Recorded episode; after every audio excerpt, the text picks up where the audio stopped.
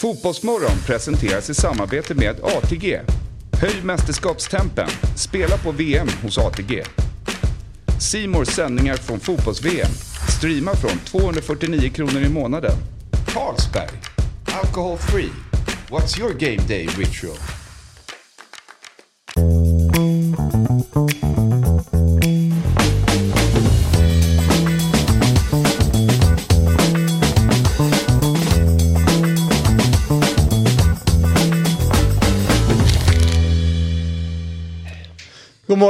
Hjärtligt välkomna ska det vara till Fotbollsmorgon måndag 11 december vecka 50 och eh, eh, det är Jesper Hoffman, Robin Berglund och sen så är det jag David Fjäll som är här. Hur är läget Jesper? Jo men det är bra tack. Jag eh, försöker väl bearbeta det vi varit med om i fotbollsväg den här helgen. Det var ju, alla säger det här med kvartsfinaler att eh, det är den bästa rundan. Men jag, jag har ju så svag, jag minns aldrig kvartsfinaler. Har ni bra så här VM-minne eh, på detaljnivå? Vilka matcher som var bra? Jag kommer ihåg ibland någon semifinal och framförallt finalerna. Men kvartsfinaler är svårt att minnas.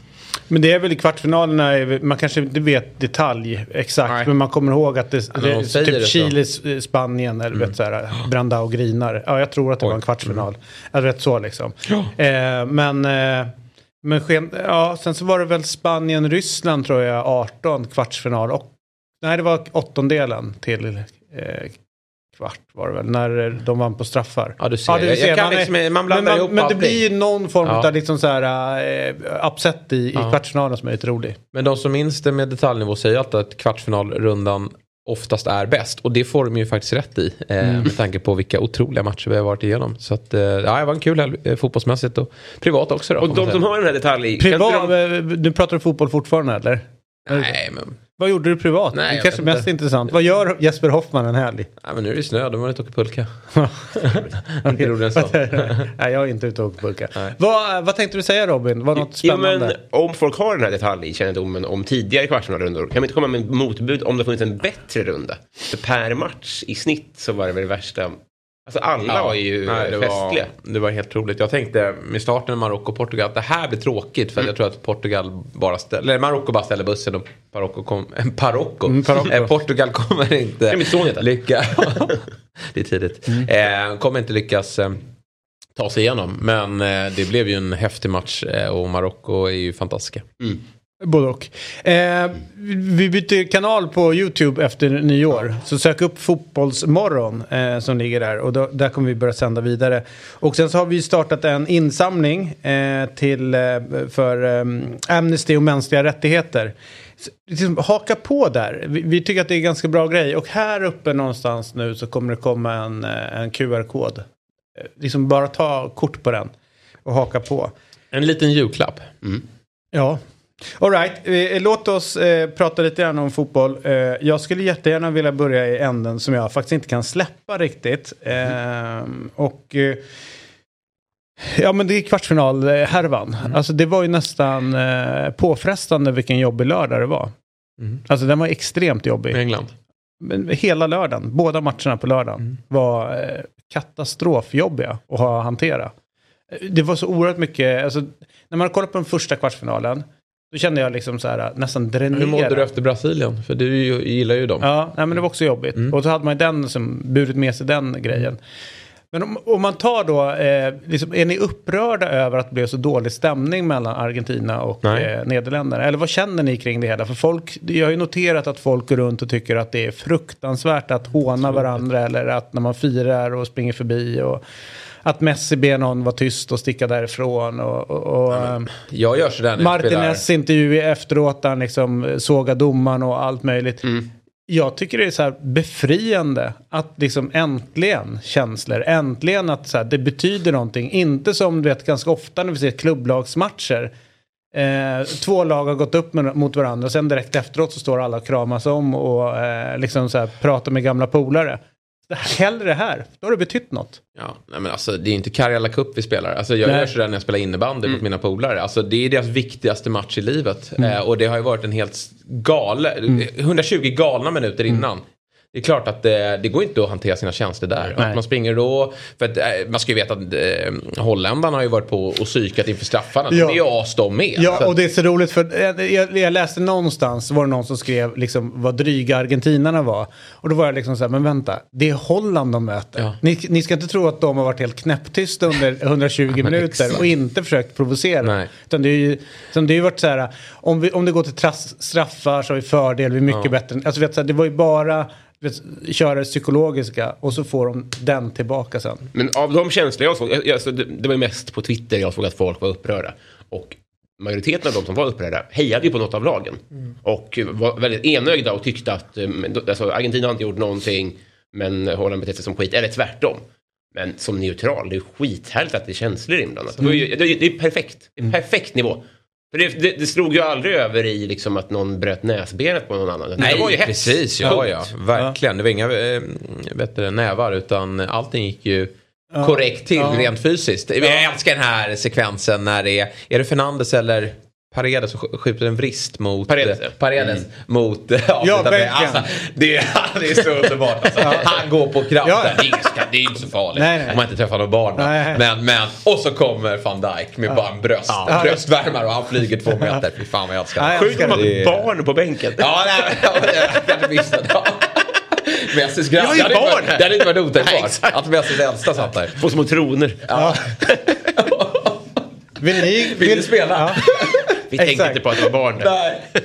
Nej men den är faktiskt helt, eh, helt underbar och, och egentligen så gör han ju inget fel. Nej, Eh, men, men, men eh, det är ju liksom allting runt omkring det. Nej men det var fa- Han hade fan fantastiskt. fått den där i plitet. Nej, han hade dött. Ja, det är Ja, gott dött ja, ja. faktiskt. Han hade dött. Han hade ramlat ner och Ja, slagit ja, i huvudet. Men eh, nej, det var fan eh, befriande. Nej, befriande med sån där eh, lite tjafs. Ja, Men sen också vikten av att ha en bra straffmålvakt ändå i den här typen av turneringar. Alltså jag tycker man ser, jag trodde precis som du då att nu är det kört för Argentina. Nu, nu faller de här för nu har Holland det mentala och trycket här. Eh, men sen så ser man första straffräddningen då. Då ser man på den här Martinez, vilken jävla kobra han är. Alltså. Han är alltså ute på stolpen. Det är en bra straff av van Dijk. Man brukar alltid säga det där, då, lite slentrian, kommentatorerna. Ah, det var en dåligt slagen straff. Men van Dijks straff är bra. Men eh, han och, och såg man den här långa Noppert som är geni. 2.02. Men han är, han är lite som Isaksson. Han bara faller åt ett håll. och, och, vinner du tork? ja, lite. verkligen. men straffarna var ju också galna som han fick mot sig. Vadå? Ja, det var ju galna straffarna. De var ju bra straffarna. Jo, men han kan inte ta en straff. Martinez nyper ju, alltså man ser på hans fötter att jag kommer ta den här straffen. Och, och ser man den första räddningen då inser man ju att eh, det här kommer bli svårt. Jag tror hela holl- eh, holländska landslaget blir oroliga i att vänta nu, den där målvakten, slår vi inte den här perfekt, då kommer han nypa den. Och sen också vikten av att skicka fram Messi, sin stjärna som första straffskytt. Ja, ja. Herregud vad korkade brasilierna är. ja, men, och inte bara det. Det är rätt många jag hörde... Egypten gjorde ju samma sak i Ja. Afrikanska mästerskapen, väntade med Salah. Du måste ju skicka fram din storstjärna och, och få en bra start. Han ska ju, alltså, visst, han kan också bränna, men det är ju den mentalt starkaste Ja. personen du har Och i det- ett landslag. det är helt rätt. Men, eh, om vi tar oss till nästa straff, ja, drama då, det är ju vad, vad smärtsamt det är ändå när man tänker efter hur, hur, eh, hur ont det där gör för Harry Kane. Mm. Och drar den där över. Ska jag berätta en grej? Jag känner att i och med att det blev som det blev så är jag rätt nöjd med att eh, vi eller England torskade på det sätt vi gjorde. Eh, jag, det, man kan ha många synpunkter på lagval och Ja. vet sådana saker. Men jag tycker ändå att Gareth har gjort ett jävligt bra jobb som förbundskapten och tycker absolut inte att han ska, ska lämna. Men i och med att det är så att de, de släpper in det där målet, de jagar kapp, får den här straffen och sen så är det faktiskt på rätt och slätt så här, det är på inkompetens. Alltså det är, liksom, det är, det är en dåligt slagen straff. De har chansen, de har jobbat sig fram till chansen och tar den inte. Då känns det mer liksom så här, ja men då är inte England bättre just nu, här och nu som lag. Eh, det har varit jobbigare om man har torskat på att legat på sig ett helvete och inte fått in bollen på slutet. Eh, eller att det var någonting som domaren... Att domaren gör fel. Ja. Eller så här. Jag tycker inte, alltså de försöker mer och jag tycker att de går på. Men jag fick också känslan av att ett, ett Frankrike som inte riktigt går hundra. Alltså inte är hundra, vinner matchen. Det är fortfarande en stor skillnad. Men jag är svinnöjd med Englands spel och jag tycker att... Eh, Det är deras man- bästa mästerskapsmatch på, på väldigt länge tycker jag. Jag kan inte minnas när de står upp mot en så bra motståndare. Och det är väl lite Englands problem. Tittar du på liksom, vinster i, i VM-sammanhang. de slår ju aldrig en stor nation. Nej, de har inte gjort det på länge. Eh, men eh, jag tycker det är intressant att se också med vad... Alltså om man tänker så här att de håller på med något nytt projekt som de pratar väldigt mycket om. Så tror jag att det här är ju lite för tidigt och det har egentligen alla sagt. Det är 24 och 26 som är de stora mästerskapen. Sett till Eh, Bellingham 19, ja, eh, Mount 21. Alltså, vet, så här, ja, men det, ja, men det, är inte, ja, men det är inte den generationen som Nej. ska göra det. Utan det är det nya som är på väg oh. fram. Och sett till så många unga, duktiga spelare som har burit laget långt. Mm. Så tycker jag att det, var, det är ett bra mästerskap. Frankrike är svinbra. Mm. Alltså, vet, det, är ett, det är ett sånt jävla klasslag. Bara det inlägget som Griezmann slår till Giroud. Mm. Så jag, jag, ser inte någon nästan ytterzonspelare i England när inte Trent spelar eller Trippier är inne eller något sånt där som kan dra den passningen på det sättet. Det är, de har inte den kvaliteten. Alltså Frankrike 24-26. När de ja. har eh, växlat in eh, Chauveny och Kamavinga ja, och Joris är borta. De är ju bättre då. Alltså Nej, det... Då slaktar vi dem. Ja. då, då, då, kommer England slakta dem. Tror du? Ja, ja för fan. De kommer prata engelska i det jävla landet när vi är klara med dem. Och dricka deras torra cider från England. Alltså det kommer vara sån fruktansvärd asfaltering utav hela Frankrike. Det var fel i sak men jag uppskattar din inställning. Alright. Eh, nu ringer det. Ja, det ringer. Det är ju så att det går bra för Marocko i detta ja. VM. Eh, och... Eh, ja, det där leendet eh, lyser ju upp för fan. Behöver ingen kärnkraftverk eller liknande i Sverige. Det är bara att se det där leendet över de mörka delarna där uppe i norr så kommer de vara så här. Han har redan vänt. Solen är framme. Midnattssolen är framme. Nej, men eh, det, det händer ju grejer och det är sånt galet festande runt omkring och firande i Marocko.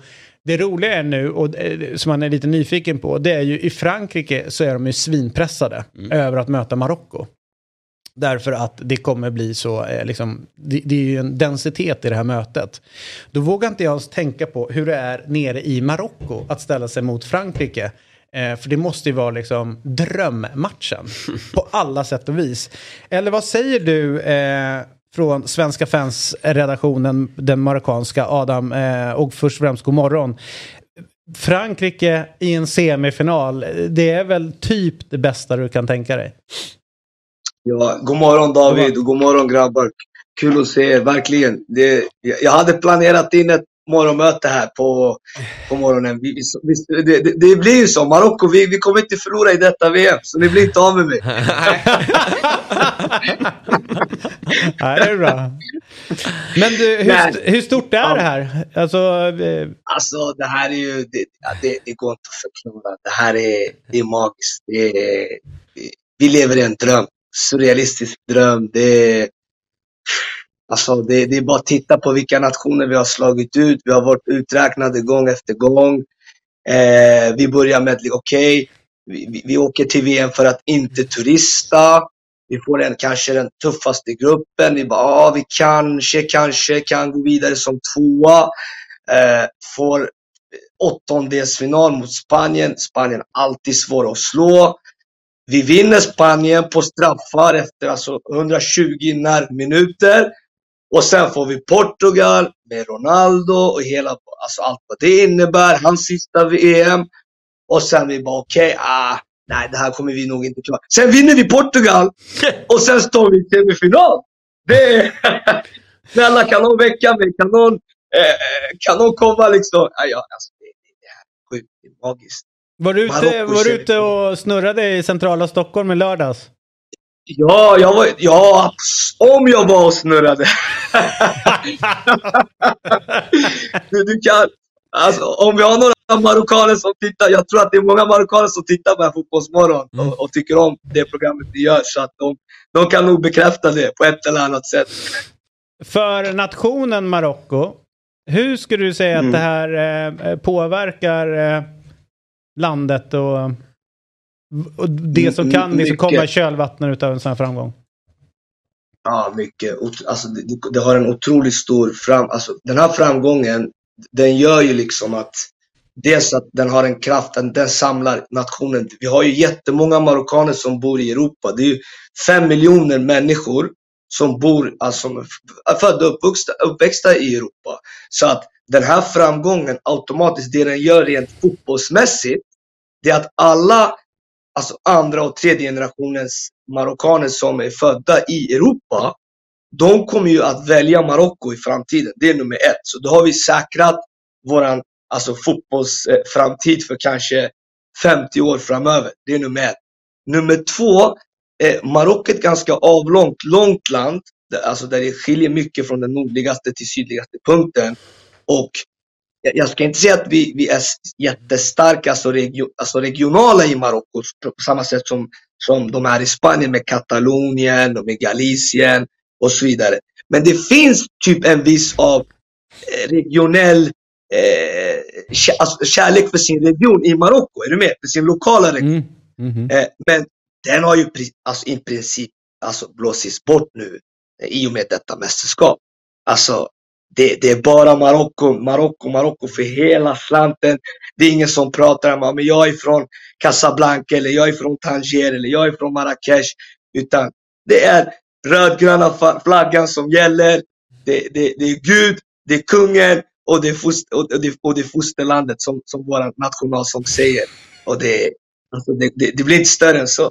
Det blir inte större än så. Du, eh, vi, vi, låt oss hålla kontakten under veckan. Det lär ju bli en uppladdning här mentalt för dig som eh, kommer nå någon form av eh, eh kokpunkt här till avspark. Vågar inte ens tänka hur du mår där. Eh, ja, precis. Så att, försök att eh, ta hand om hjärtat nu fram till matchstart. Och du, blir det VM-guld då har du en plats i, i studion här på måndag om en vecka. Kär, kär, kärlek grabbar. Jag vill bara säga ni gör ett fantastiskt bra jobb allihopa. Och eh, jag vill bara avsluta med en, en riktigt skön sak. Bella ciao, ciao, ciao, ciao, ciao, Bella ciao, ciao. Adios Portugal, adios eh, España. Dimal Maghreb! Efter eh, Bosse Anderssons besök här, mm. eh, var inte alls länge sedan, så Nej. pratade vi om en klocka. Mm. Kommer det ringa? Mm. Det har du gjort. Och det har du gjort. Eh, han har ju inte legat på latsidan på något sätt. Utan eh, han, eh, i fredags så presenterade han bröderna Lukas och Theo Bergvall. I torsdags Wilmer Odefalk. Och i onsdags eh, så kom det då den stora smällen. Karlskronasonen Jakob Bergström. Mm. Eh, och eh, han, ja, men det finns något härligt med den här värvningen känner jag. Absolut. Och att det känns härligt att Jakob tar steget upp mm. till, till huvudstad. En bonde i storstad. Jag vill inte säga det. kanske, alltså, vet, så här, regionen kanske har många bönder, ja. men han kanske har liksom, han kanske är någon intendent eller vet, jag, vet, jag, vet inte hur det funkar där nere. Men, men det är ändå mäktigt att eh, Bergström är klar. Eh, och eh, först och främst Jakob, eh, god morgon. God morgon, god morgon. Hur är läget med dig? Jo då, mycket bra. Eh, piggade upp här och lyssnade lite på han eh, från eh, Marocko där. Det var ju det är inte samma energinivå direkt. Men... Nej, det brukar ju du ha. Men, eh, ja, jo, men... jag tycker att du har, exakt, du har ju en, eh, du har en jävla energi på plan får man ändå säga. Det är ju, bollen ska in. Jo, lite så. Lite så den eh, inställningen har man ju. Så eh, ja, nej, lite så. Hur känns det då nu? Eh, Bosse Andersson lyfter på luren och ringer dig. Va, vad tänkte du i det läget? Ja, lite chockad blev jag ju. Eh, det var ju... Eh, det är inte så att man har haft ett eh, kanonår förra året liksom med allt med skadan och ja, spelmässigt generellt sådär. Så ja, lite, lite chockad, men givetvis väldigt glad. Hur, hur, är det bara som, om man inte haft kontakt med honom så mycket innan, hur är han att lära känna? Är det en udda figur skulle jag säga? Ja, det är, men det är ju enkelt är det ju, för det är ju en, det är ju en profil. Eh, så det, det gäller att vara med på eh, Facetime när han ringer ibland, så ja, köra lite snack och sen så, ja. Nej, det är en god gubbe. Ni bara satt och garvade kan jag tänka mig ni två när ni samtalade. Så var det faktiskt. Men du berättade, det här ja, verkar ju vara... Det var... Ja, det här verkar ju vara en pojkdröm som, som går i eh, uppfyllelse för dig. För du kablas ut här bilder på dig med Djurgårdströja som liten. Berätta om ditt supportskap ja. till Djurgården. Eh, nej, men det var... Eh, fick en mössa när jag var liten av mina kusiner. Eh, och ja, och sen den dagen så har det varit Djurgården för mig som har varit mitt lag liksom. Jag har inte haft något eh, utomlands eller sådär, eh, som de flesta har. Eh, utan eh, ja, det har varit Djurgården och sen så, ja, så åkte jag och pappa runt eh, här i, i södra Sverige och kollade på Djurgården när de spelade i, ja, på Fredriksskans och, ja, och Malmö stadion och ja, lite så, Helsingborg och sådär. Eh, så nej, det är väl det laget jag har följt i Sverige liksom. Vad säger kusinerna och farsan nu då? Nej, men de är, pappa blev väldigt stolt, uh, började nästan gråta. Så, uh, nej, uh, och kusiner är glada med. Vet du, så det, man gillar ju att göra folk nöjda. ja, men jag tänkte så här, för det har ju kommit ut eh, information så här i efterhand att det var ganska nära Halmstad, en övergång dit. Eh, och att, eh, jag tänker, hur, hur värderar du det? För Djurgården blir ju en tuffare utmaning spelmässigt såklart att, att, att få speltid eftersom det, det är ett bättre lag med, med, med bättre spelare. Eh, men du valde ändå att ta det steget kontra att vara kanske en stjärna i Halmstad. Hur gick ditt resonemang? Ja, nej precis. Eh, nej, alltså det egentligen var det ju ingen, när Djurgården kom in i bilden så alltså då fanns det egentligen inget, eh, ja då var det givet val liksom. Då tänkte, får man den chansen så, ja, då skulle jag aldrig tacka nej liksom. Eh, så det, egentligen var det givet. Men sen är det ju som du säger, det är ju konkurrens, eh, det är ju, det är ju eh, Edvardsen är ju otroligt bra. Eh, så det, det är liksom bara att embracea det och köra på liksom. Det, eh, finns liksom inget annat. Du, väldigt stökig fråga. Men eh, kan det vara så att du har en bodybuilder-karriär i bagaget? Eh? Nej, ja, alltså, jag höll ju på väldigt mycket med styrketräning när jag var ja, i slutet av gymnasiet. Eh, så då var det ju mer mer eh, styrketräning än fotboll. Eh, så ja, där var man rätt tung där ett tag. Eh, sådär. Det var ju inte så snabb kanske, men kraftfull. Men nej, jag gillar ju att styrketräna och sådär. Så det, det får man ta upp efter karriären. Men har du tävlat i bodybuilding? Nej, nej, nej, nej, nej så, det skulle jag aldrig göra. Stå där i, i ja, Speedos. Nej, jag hoppas att du inte gör. Men du... Eh, hoppas jag. Eh, men det är rätt kul, du säger du höll på med det i slutet av gymnasiet. Eh, med det och det blev inte så mycket fotboll. Så, eh, var det inte givet att karriären skulle bära dig till allsvenskan? Hur, hur såg det ut där? Nej, verkligen inte givet. Det var ju, ja, det var ju spelade division 2 i Karlskrona eh, och sen fick jag inte vara kvar där. Eh, för jag var för dålig helt enkelt. Eh, så började om med division 4 i Ronneby BK. Hur gammal var du då? Och då, ja, då var jag ju 19-20. Mm. Jävla smart. Om karriären inte bär en till allsvenskan så tränar man så mycket att man kan bära karriären själv till allsvenskan. Ja, exakt. Det är jävligt ja. smart. Då är man stark. Ja. Nej, det var ju inte direkt då man tänkte, ja nu snart händer det att man spelar i allsvenskan liksom. Eh, eh, men då var jag på Subway där samtidigt och ja, fick lite annat perspektiv på livet så att säga. Så, eh, ja, Nej, det, det gick till slut. Ja, det är bra. Får jag bara kika, du, det är kul med inside info så. Du som har jobbat där, vad ska man beställa på Subway om...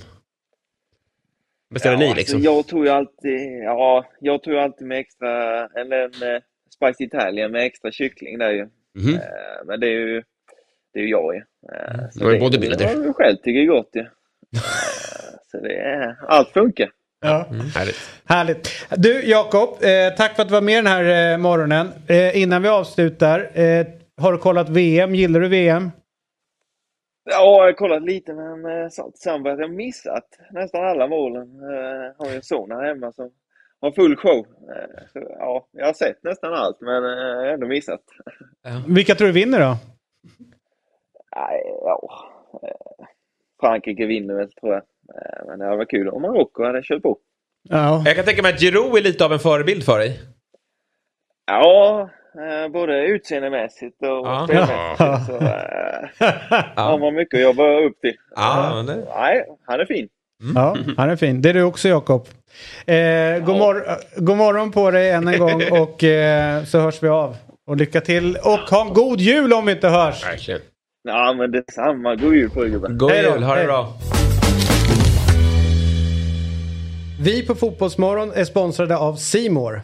Fotbolls-VM startar 20 november och på Simor kan du streama fotbolls-VM utan avbrott där finalen spelas söndagen den 18 december. Blir det Brasilien som vinner i år? Nej, det tror inte jag. Jag tror att Spanien blir livsfarliga.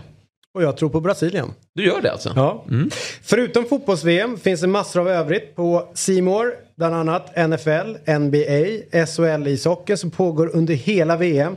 Dessutom ingår Uefa Champions League i paketet där slutspelet drar igång den 14 februari. Allsvenskan är en bit bort men den ingår också i pluspaketet från 249 kronor per månad.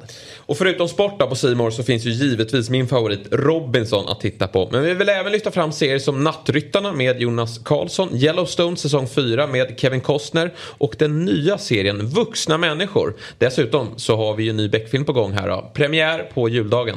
Allt detta får ni från 249 kronor per månad hos Simor. Tack Simor som är med och sponsrar Fotbollsmorgon.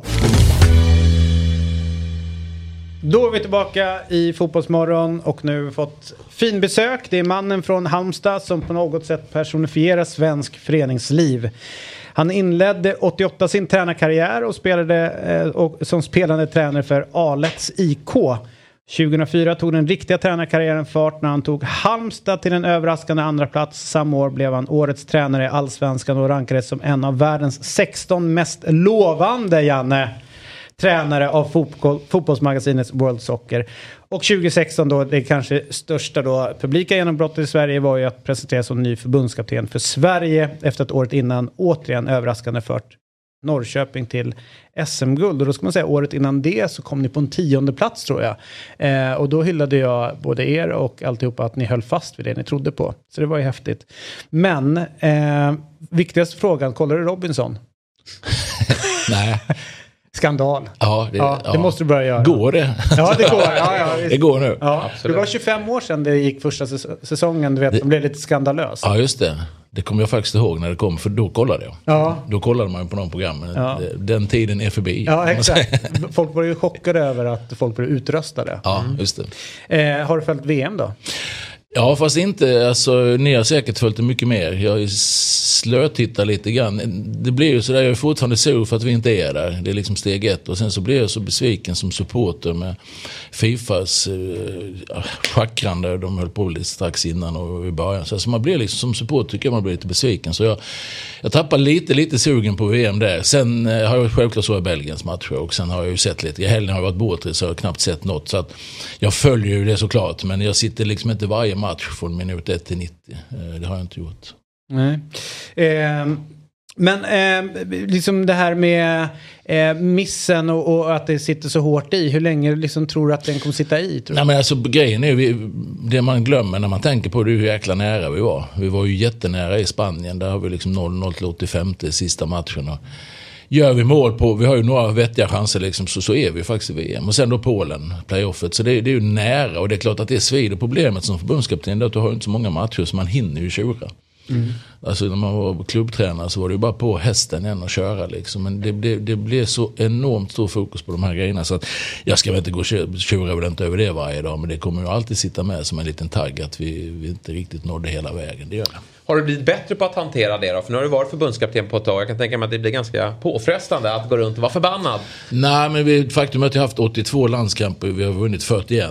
Så att jag behöver inte vara förbannad hela tiden. Nej, det vet jag. Kryssat 14 och 27 förluster tror jag. Så att jag, jag, eh, jag har aldrig varit bra på att hantera förluster. Jag berättade för en kollega, jag cyklar hit nu liksom. När det kommer sådana här på elcykel och trampar om mig så blir jag förbannad.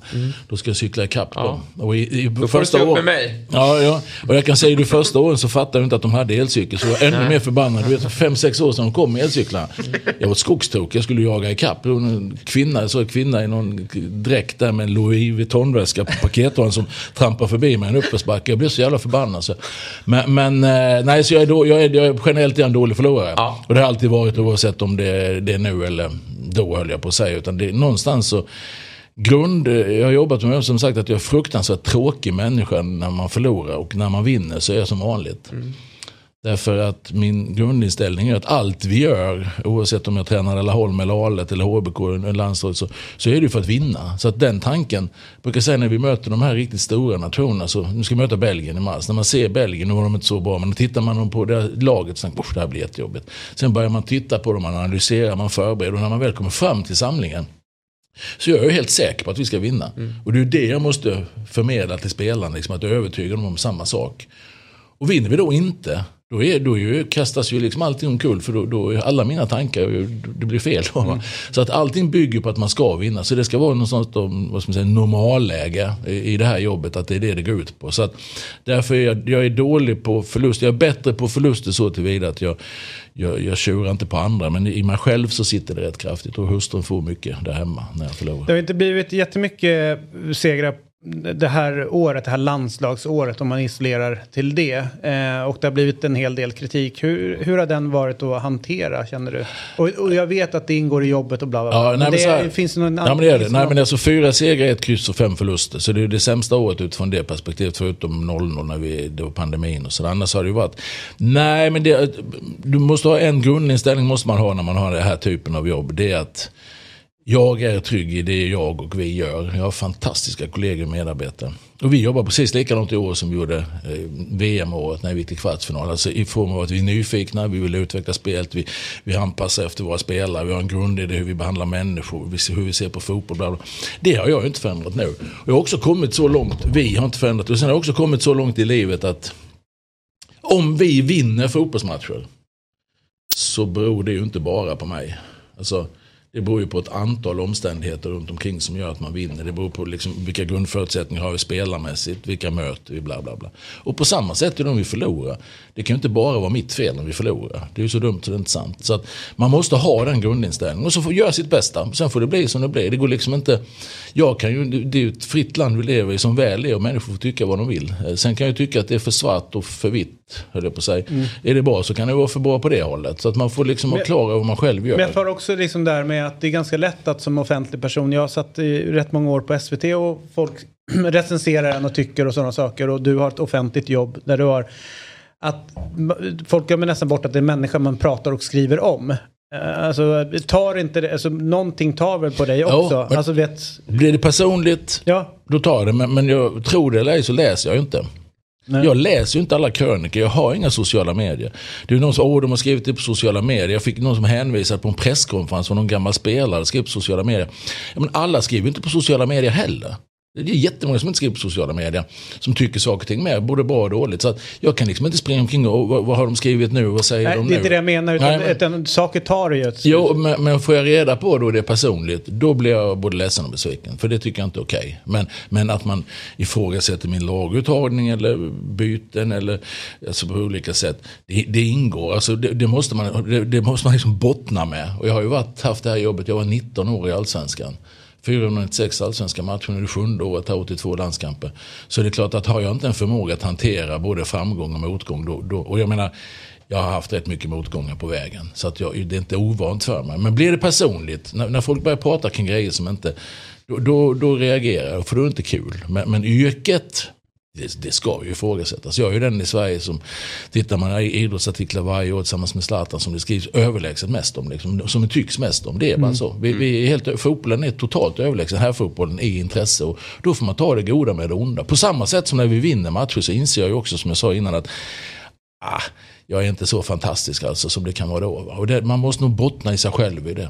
Samlingen som verkligen blev fel då. Och, och den är så här när man tänker på det i efterhand. Det är ju det här lite förbannade Nations League som vi någonstans gillar. Men egentligen så hade ju junisamlingen varit i ett, ett annat år än bara en träningssamling. Att man spelar träningsmatcher. Men nu blev det här Nations League som att det var det är tävlingssammanhang. Och där skulle ju Sverige då, eller ni prova ett nytt eh, spelsystem. Och så kom de här förbaskade skadorna. När du tittar tillbaka på den samlingen, finns det någonting ni hade kunnat göra annorlunda? Håller du med mig om att, för att eh, kollar man på VM-kvalet så var ni väldigt nära. Ni gör ju en bra match borta mot Polen och det, det, är liksom, det är en tuff match. Det är inte så konstigt att det, att det blir som det blir. Men, junisamlingen. det, men junisamlingen är ju så här att man, man pratar, jag, jag överkommunicerade ju liksom, ändring, för det är ju liksom ändring i våra utgångspositioner lite grann. Och det är ju vissa som har analyserat det som, jag förstår inte vad de pratar om alltså. Utan grunden i vårt försvarsspel, princip är precis samma. I vårt anfallsspel, så istället för att spela med två forwards som vi gjort innan, så väljer vi att spela med en central och en tia. Och det är ju för att hitta en roll för Dejan i klartext. Alltså Dejan, det, det skrek ju alla om innan. Alltså Dejan, varför är han så bra i Tottenham? Kan han inte vara lika bra? Och då, då försöker vi hitta, inte för folk folk skrek. Nej, nej, få ut det mesta av Ja. Dejan i den rollen, få ut det mesta av Emil i den rollen och sen spela med Alex som nia som,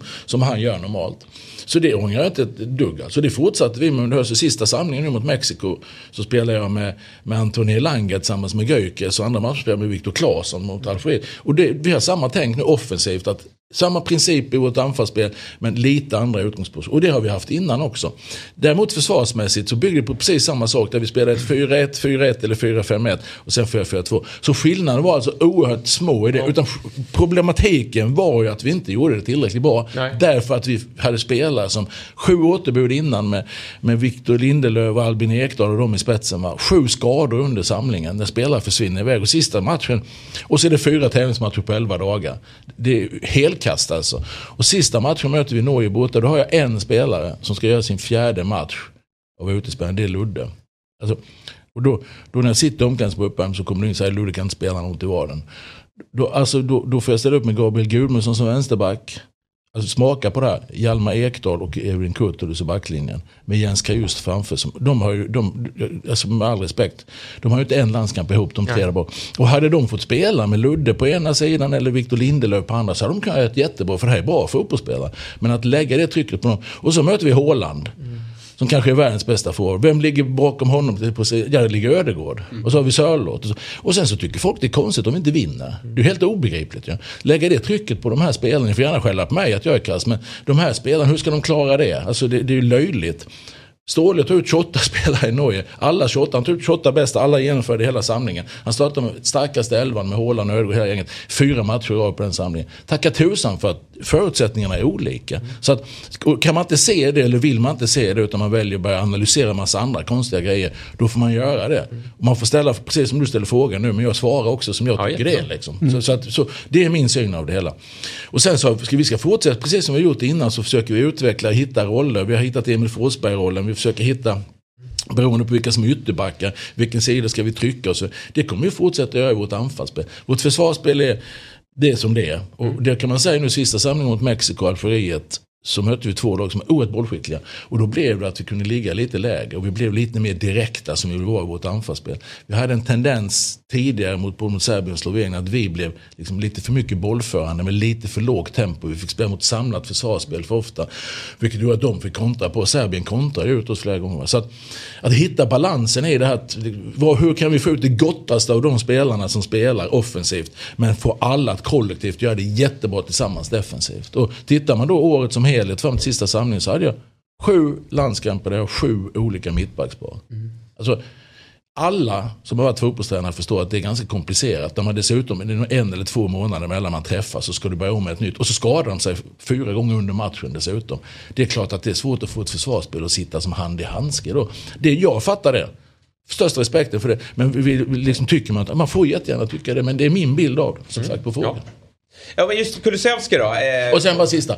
Om vi kunde gjort något annorlunda. Ut, vi utvärderar varje samling. Jag är oerhört självkritisk. Vi utvärderar allt vi gör. Oavsett om vi vinner eller förlorar. Hela tiden försöker vi putsa och hitta vägen framåt. Så den finns och där är vi självkritiska. Sen behöver jag inte sitta och säga allt vi har gjort dåligt. Eller allt Men får jag bara säga, och, och nu är det inte djävulens advokat här, men just med utvärderingen, och det kan jag faktiskt eh, understryka för att jag bor granne med Peter. Eh, det finns fan ingen som är så, kanske du, så knäckt och sänkt när det har gått dåligt. Eh, och sen sitter han som fan och kollar om och om och om igen på matcherna. Och analyserar och sen tar han det in till jobbet och så fortsätter ni där. Sen tänker man så nu kan jag gå in och prata med honom om, om helgen. Då blir jag utkastad igen. Så då ska han fortsätta analysera på det de har analyserat. Sen har det gått några dagar, då kan han säga nu kan du komma in. Då får jag komma in och prata. Men då har det ändå gått ett gäng dagar och han, Ja. och han släpper liksom inte. Nej, och vi, alltså, vi, och vi är jättesjälvkritiska och, och, det, är ju, det är ju sättet att utvecklas. Det är att hela tiden ifrågasätta så. Men samtidigt också bottna, ha någon fast botten att stå på. Och då pratar man oftast människosyn och hur vi ser på grunden i fotboll. Men därifrån, att hela tiden försöka göra det bättre och bättre och bättre. Det, det är liksom grundtänket. Jag hade det som en fråga här, just gällande Dia Kulusevski. För att jag, jag tycker att så här, vikten av, jag gillar det jag hör när du säger liksom, vi måste få ut max av honom. För jag, jag ser ju honom vecka ut och vecka in i Premier League och han är ju brutal alltså. Han är ju helt otrolig. Och du, ni har ju använt honom lite som en tia droppande anfallare, du har sett honom som en anfallare. Men tycker du inte att han ska utgå lite mer från höger sett till det du har sett i Spurs under Jo. den här vår, hösten? Ja, problemet blir att när vi då spelar då hamnar han, de spelar ju med fembackslinje. Här, här hamnar han ju som ytter, vi spelar ju fyrbackslinje. Som yttermittfältare så blir han alldeles för defensiv för mig. Så, som yttermittfältare. Däremot så vill vi ha honom centralt, vi vill ju ha dem till höger. Ser du att det är Kane och det är Son och det är det. Så när vi, från vårt 4-4-2 försvarsmässigt så ska han ju blomma ut på högersidan. Och kunna hamna i den rollen, kombinationsspel, tillbakaspel, släppa, komma in och utmana. Så det är ju precis det som är tanken och då försöker vi hitta den bästa rollen utifrån det. Sen är ju Problemet är ju att man träffar så sällan, man tränar. Det är så svårt, det är ju ett samspel. Försvarsspel kan du, ja för det mesta då sätta på ett bra sätt faktiskt. För, för att det kan du själv bestämma. Ska vi gå högt eller ska vi gå lågt? Ska vi få oss efter motstånd? Ska, när ska vi gå över markeringstänk? Alla, det, det kan man liksom själv bestämma oavsett vem man möter egentligen. Men anfallsspel beror ju på samhandling. Du ska liksom läsa av varandra. Och det är fascinerande med landslaget när folk har synpunkter på hur vi spelar. Så pratar man klubblag. Jag, jag, menar, jag följer mitt gamla Norrköping. Rickard Norling kom dit. Han var där januari, februari, mars, halva april. De hade väl spelat ett antal cupmatcher, haft hundra träningar och sånt. Och då är det någon expert i tv jag satt, som säger på ja, nu börjar man se, nu börjar Rickard få till det lite hur de ska spela. Liksom. Ja, vi träffar våra spelare den 20 mars nästa gång och då ska vi, har vi tre träningar, sen ska vi möta Belgien. Och tror att vi ska få det att funka perfekt. Jag tycker det är under att de gör det så bra som de gör det, spelarna. Jag tycker de gör det jättebra rent generellt faktiskt. Så att det är en helt annan grej i den processen där du inte kan nöta på detaljer. Du har, jag brukar säga, du har en träning på dig att sätta ett anfallsspel. En träning, jag beklagar mig inte för spelarna gör det för jäkla bra. Men en träning. Och då gäller det att det oerhört skarpt apropå det här med analys och förberedelse. Hur kan vi göra det på absolut bästa sätt för att få spelarna? Och de är fantastiska våra spelare. De är så jäkla lojala och trogna idéerna och trogna varandra. Så att man blir, det, är, det är så kul att jobba med dem alltså. Det är fantastiskt roligt. En grej bara som jag funderar på det är ju att när du tog över så var det ju generationen med Toivonen, Berg, eh, Larsson, alltså hela, hela det där, Granen och hela det. Och jag vet hur viktig Granen och, och Ekdal var för er. När de nu har slutat, har det, liksom den nya generationen som kommer, vi har nämnt Dejan, det är Alexander Isak, eh, Elangas och så här. Ledarskapet, måste det skruvas på med de nya människorna som kommer upp? Det måste hela tiden skruvas på. Men man kan säga så här att, bara, bara för, liksom, för jag har ju hört det här med den nya generationen. Jag var ju med när 80-talisterna kom och jag var med när 90-talisterna kom. Jag tror Alexander Isak har spelat någonstans mellan 35 och 40 landskamper. Han debuterade i juni, januari 2017. Så han, han är inte så ny. Alltså. Han har varit med snart sex år. Dejan debuterade hösten 19. Så han har varit med över tre år. Så att när man säger den här nya generationen, de har redan varit med. De, de, men det som är skillnaden idag är att jag förväntar mig lite mer av dem, ett ledarskap på planen. Och det har jag pratat med dem om. Därför de har varit med så pass nu, så nu, ska de, nu kan de inte luta sig mot de andra på samma sätt utan nu måste de ta lite mer plats. Och det är de beredda att göra. Och det, jag skulle aldrig säga det till dem om de inte har de personligheterna i de spelarna. Ja. Men, men tittar du, för du sätter ju fingret på den här generationen med, med de här 85 mot 16 som slutade efter EM förra sommaren. Där, där, de, de, jag menar, Granen var inte alltid bäst, Sebban var inte alltid bäst och så vidare. Men de såg ju till att andra blev bra. Alltså de, de tog ett stort ansvar på planen med sin erfarenhet. Och där tappar vi jättemycket erfarenhet. Och tittar man sen då så var Albin Ekdal en av de som skulle bära det här laget. Han har spelat en match i år, det var Tjeckien hemma. Sen har han inte varit med mer. Så det har jag definitivt att vi, vi har känt att vi har inte fått till ledarskapet på rätt sätt. Och därför har jag pratat med spelarna mycket om det här. Vi pratade senaste samlingen på ett annat sätt. Och jag tycker många klev fram och tog ansvar då. Men det är en jätteviktig del att göra andra bra, att inte bara sköta sin egen roll så att säga. Men, men den här nya generationen, det vet jag inte vad det är för någonting när man pratar om det. För att det här det hela tiden förändras. Det är en föränderlig värld och i ledarskapet så måste du liksom hänga med. Du måste kunna hantera människor på olika sätt. Och någon berättade för mig att någon journalist hade skrivit det här då att jag inte kunde ta den nya generationen. Sånt. För mig är det ren bullshit. Alltså. Mm. Tyvärr. Nej, jag fattar inte det. Diskussion. Det jag vet är att runt Mourinho till exempel så är det att han passade kanske bättre för eh, men Terry, Lampard mm. och sådär i sin ledarstil. Men det funkar kanske inte med dem som är ja, nej, liksom senare på att köra på på samma sätt. Så att han har kanske inte förändrat sin ledarstil på det sättet för att anpassa sig av de som sitter i Nej men så kan du säga, men det ingår ju i ledarskapet hela tiden. Och sen så är det ju också så att det man inte får glömma med, eh, vi är ju ett team. Jag har till exempel i teamet har jag Mats Elvendal, vad är Mats nu, 35 målvaktstränare som jag hade med mig i Norrköping, Centrometla som då, de har pratat om hur utvecklingsbenägen man är. Man, jag är 60 år gammal, jag är jättenyfiken fortfarande. Mats jobbar Stadsbomb idag. Så grattis efterskott Ja, förresten. tack så jättemycket. Ja. Det är ett tag sedan nu så jag Ja, försöker ja. förtränga det också. Ja, ja, ja. Men, men, men, men Mats, jag är statsbomb idag. Alltså en av världens ledande statistik och analysföretag. Alltså, vi, det är jättemycket influenser som vi får in från honom. Vi har Kristoffer Bernsborg som analytiker. Jag har då Peter som är på som han är. Så vi är ju ett team tillsammans som har en, en grundsyn på ungefär hur vi ska bedriva det. Och sen så måste vi liksom... Och mitt jobb handlar jättemycket om att kommunicera det här då. Både utåt och inåt på olika sätt. Och vi, jag, jag är oerhört trygg i det vi gör. Alltså. Jag är extrem. Hade jag inte varit det, då hade jag inte kunnat ta det här jobbet. Det hade inte Men gått. eh, en, en grej som jag eh, har noterat är att du är jäkligt prestigelös i ditt ledarskap. Eh, de runt omkring dig som du precis har nämnt, de har ganska mycket att säga till om. Det är inte så att du måste Nej. bestämma. Hur, hur, hur svårt var det att komma fram till det? För att många tränare blir ju som vi vet, när det, om det blir lite sämre resultat och så, att då går de tillbaka och sen så ska de göra allting själva. Mm. Medan du känns det som att du liksom håller kvar vid filosofin att liksom delegera mycket. Peter, Peter driver mycket på det som han ska göra och kanske du tar med ledarskapsfrågor och press och så här. Men hur kom du fram till det att eh, Alltså, egentligen, att den, släppa liksom den här som fotbollstränare, drömmen är ju att få bestämma allt om man tänker som man spelar. Jo, fast grunden är alltså, jag, jag går du tillbaka 20 år med mig så kontrollerar jag allt. Jag kom ju liksom från småklubbsmiljö, jag tränade smålag, jag tvättade västar och koner och betalade domaren och sånt. Jag började och gjort hela resan upp. Men därför har jag också lärt mig genom åren att alla roller är lika viktiga. Det är jätteviktigt att hela teamet funkar. Då menar jag inte bara vi fem utan alla runt omkring. Så där har jag lagt rätt mycket kraft. Och sen har jag insett att efterhand som jag har släppt saker och ting så träffar man människor som Peter. Han är ju jätteduktig. Vad ska jag då sitta och göra det om han kan göra det precis lika bra eller kanske till och med bättre? Och så har jag då eh, Bernsborg som är analytiker, eller Mats och de här. De, de är ju skitduktiga killar. De är jätteduktiga. Och det är en trygghet för mig. Så det jag egentligen gjorde när jag blev förbundskapten det var att jag la upp allt som ska göras på bordet. Sen har jag fördelat det. Och sen så är de självgående men de får också ett enormt förtroende. Men jag förväntar mig också bra grejer tillbaka. Så det vet jag att jag får. Och sen sitter vi så här som vi sitter nu. Från det vi träffas när det är samling tills vi skiljs åt. Dygnet runt i princip. Och där stöts och blöts allt. Och sen så är det jag som bestämmer om jag behöver någon gång. Det har hänt någon gång. Det är framförallt laguttagning.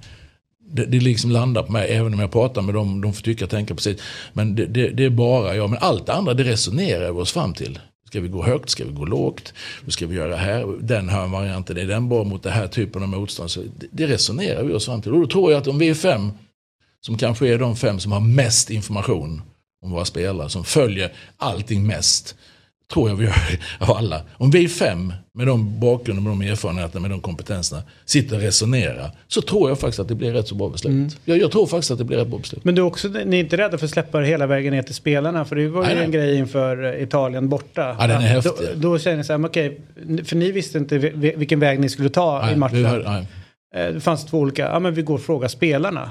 Det är ju inte heller så vanligt att man liksom släpper ner hela vägen dit. Nej, man kan säga så här att mitt ledarskap är nog, många tror ju att jag är en tjurig jävel, så jag är ganska rolig faktiskt att jobba med. Så jag kan vara rätt så kul med mina kamrater. Jag tycker om practical jokes. Jag skickar av Wettergren på fel våning i hissen och så. Det är jätteroligt. Men, Ja, men det- det, är det- sådana, det är bland det roligaste Gör jag du också vet. det hemma? Ja, Ja, det, skulle kunna göra det. Börja ja. Nej, men jag, nej, men jag, har liksom, jag har ett ganska avslappnat förhållningssätt. För man kan inte gå omkring och ta sig själv på så stort allvar hela tiden i, i, i det här. Då. Men tar du den då så min, min förebild är ju Benga Johansson som tyvärr gick bort i våras. Ska hyllas nu den 9 januari hemma i Halmstad av landslaget inför VM. Och tyvärr är vi på januariturnén då så jag kan inte komma dit. Men, eh, eh, Bengan, ni kommer ihåg Bengan? Vad gör vi? Ja, vad gör vi? Han sa ju så här att jag, jag har Ola Lindgren då som jag spelar fotboll med uppe. Ola och, och eh, Magnus Wislander försvarsspelare, så han Löfgren och Magnus Andersson. Det är ju världens bästa på det här ju. Det är klart att de kan, det är bra att lyssna vad de säger ju. Så att, och sen i grunden hade han ju väldigt klart för sig, Bengt såklart. Han har ju målagt ramarna väldigt tydligt. Och den här vi gjorde med Italien, det är bland det häftigaste jag har varit med om. Jag har aldrig gjort så varken innan eller så tydligt. Vi tog ju sex spelare, vi kunde inte bestämma oss. Vi gick här lördag kväll, vi hade stått dem på fredagen. Hemma 1-0. Gick ganska högt på dem. Och sen resonerade vi hela dagen lördagen. Vi kan ju inte gå så högt på San Siro för det, det, det liksom, de kommer spela väck oss då. Hur ska vi göra? Ska vi pressa deras trebackslinje så eller så? Deras Juventus backlinje då. Eh, och, och så hade vi några, och vi kunde inte bestämma oss. Så sa jag till Peter, vi går en. Så vi gick här borta på Karlavägen och, och resonerade på lördagskvällen. Till slut så sa jag, vad fan, vi, vi- vi får då prata med spelarna. Så kunde vi inte göra det för en söndag kväll för det var resdag och det, var sovmorgon. Så vi sköt på laggenomgång och så satte vi oss med sex spelare söndag kväll och frågade vad de tyckte. Och det blev liksom, ja, då, då gör vi så. Och sen spelade och det blev väldigt bra. Det är inte bara därför, men, men det, det, var en del i det hela. Och när jag kom in i paus då i, i, i San Siro, det är ju liksom en, alltså det, det är den största matchen i svensk fotboll på många år. 80 000 på läktaren och, och, och sådär va, trycket. Och när jag går in så vet jag inte riktigt vad jag ska säga i paus. För vi hade gått bra första 30-35 minuterna. Sen började de käka sig in. Och jag var inte riktigt sådär hundra. Och Peter var inte det. Och Lasse var inte det. Och vi pratade.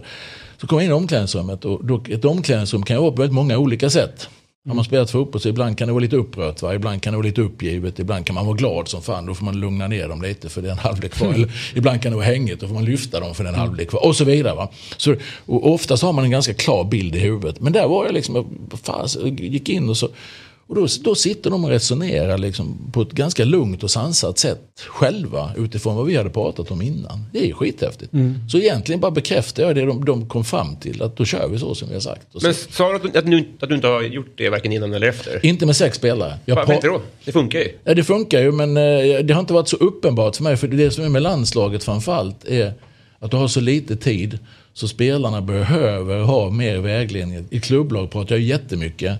Men ett landslag så ska vi liksom börja med att ha en diskussion över tre träningar och så ska vi, så innan man formar någonting blir svårt. Utan här var liksom en, en konkret fråga. Hur sätter vi första pressen? Och det blev bra. Och sen efteråt så funderade jag liksom på det att varför gjorde jag så? Nej men det kändes rätt då liksom. Det, det, det, och det blev, det blev uppenbarligen bra. Va? Men jag, jag har inga problem att göra spelarna delaktiga. Man pratar med vissa spelare pratar man ju lite mer med. Sådär. Men vilka pratar du lite mer med? Vilka skulle du säga? Om du skulle sätta dig ner med en grupp, vilka tror du att du skulle prata med då? Idag, idag, vi satte oss ner med de som varit med lite längre. Se, eh, det gänget som har varit med. Som jag känner, vi har liksom lite få spelare som är naturliga ledare. Mm men som ändå har det i sig och som vill väldigt väl.